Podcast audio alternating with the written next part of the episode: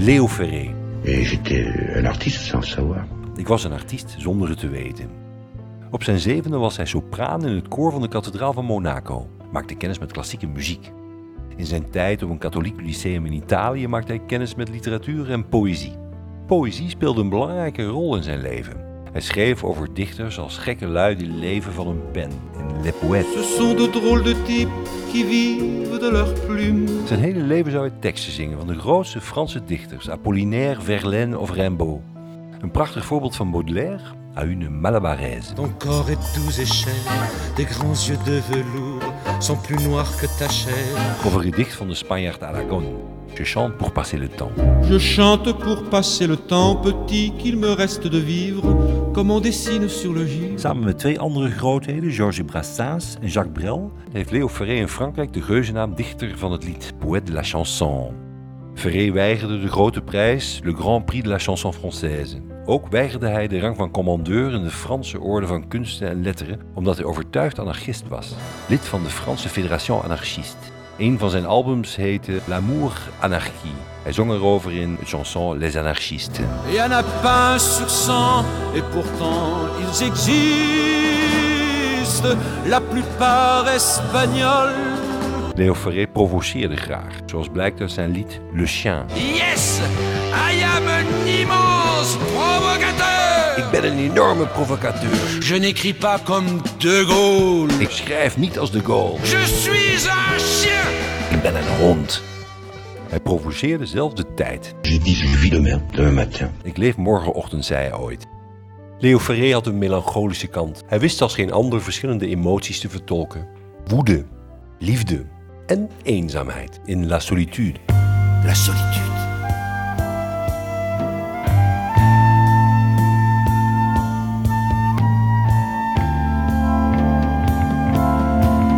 La solitude.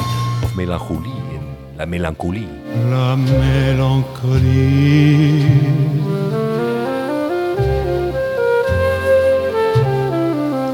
C'est une rue barrée.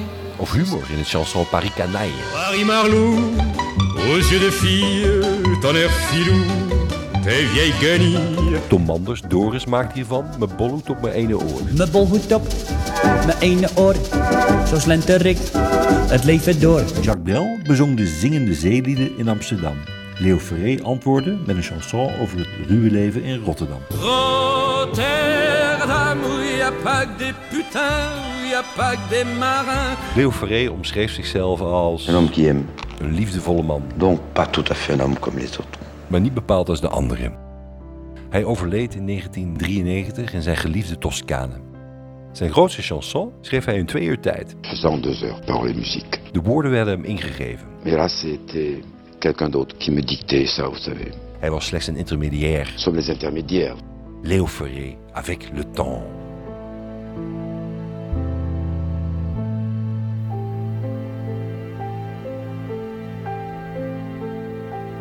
Avec le temps,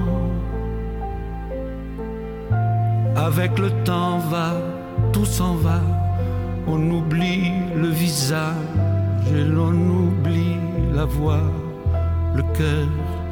Quand ça bat plus, c'est pas la peine d'aller chercher plus loin. Faut laisser faire et c'est très bien.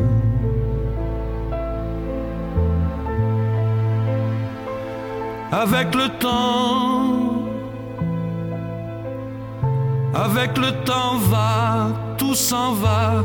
L'autre qu'on adorait, qu'on cherchait sous la pluie, l'autre qu'on devinait au détour d'un regard entre les mots, entre les lignes et sous le phare d'un serment maquillé qui s'en va faire sa nuit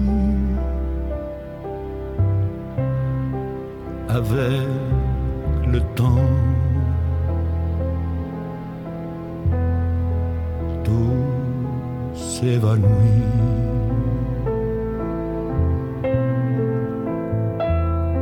Avec le temps, avec le temps va, tout s'en va même les plus chouettes souvenirs s'atteignent de ses gueules à la galerie farfouille dans les rayons de la mort le samedi soir quand la tendresse s'en va toute seule.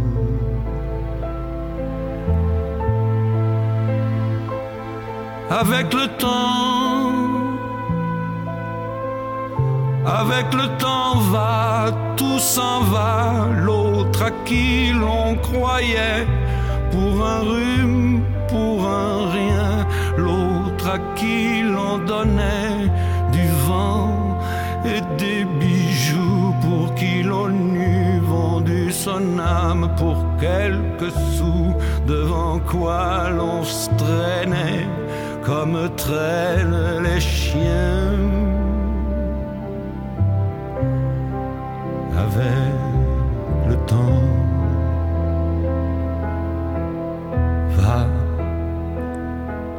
tout va bien.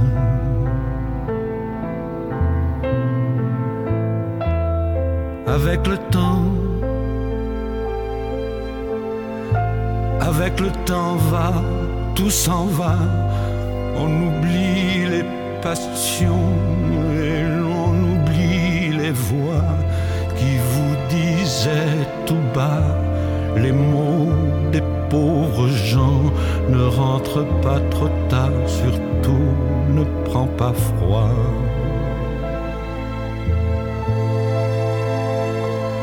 Avec le temps,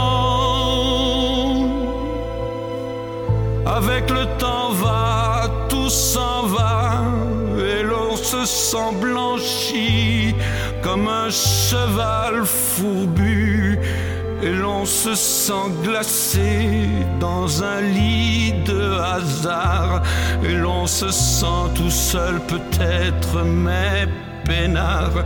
Et l'on se sent floué par les années perdues. Alors vraiment avec le temps on n'aime plus.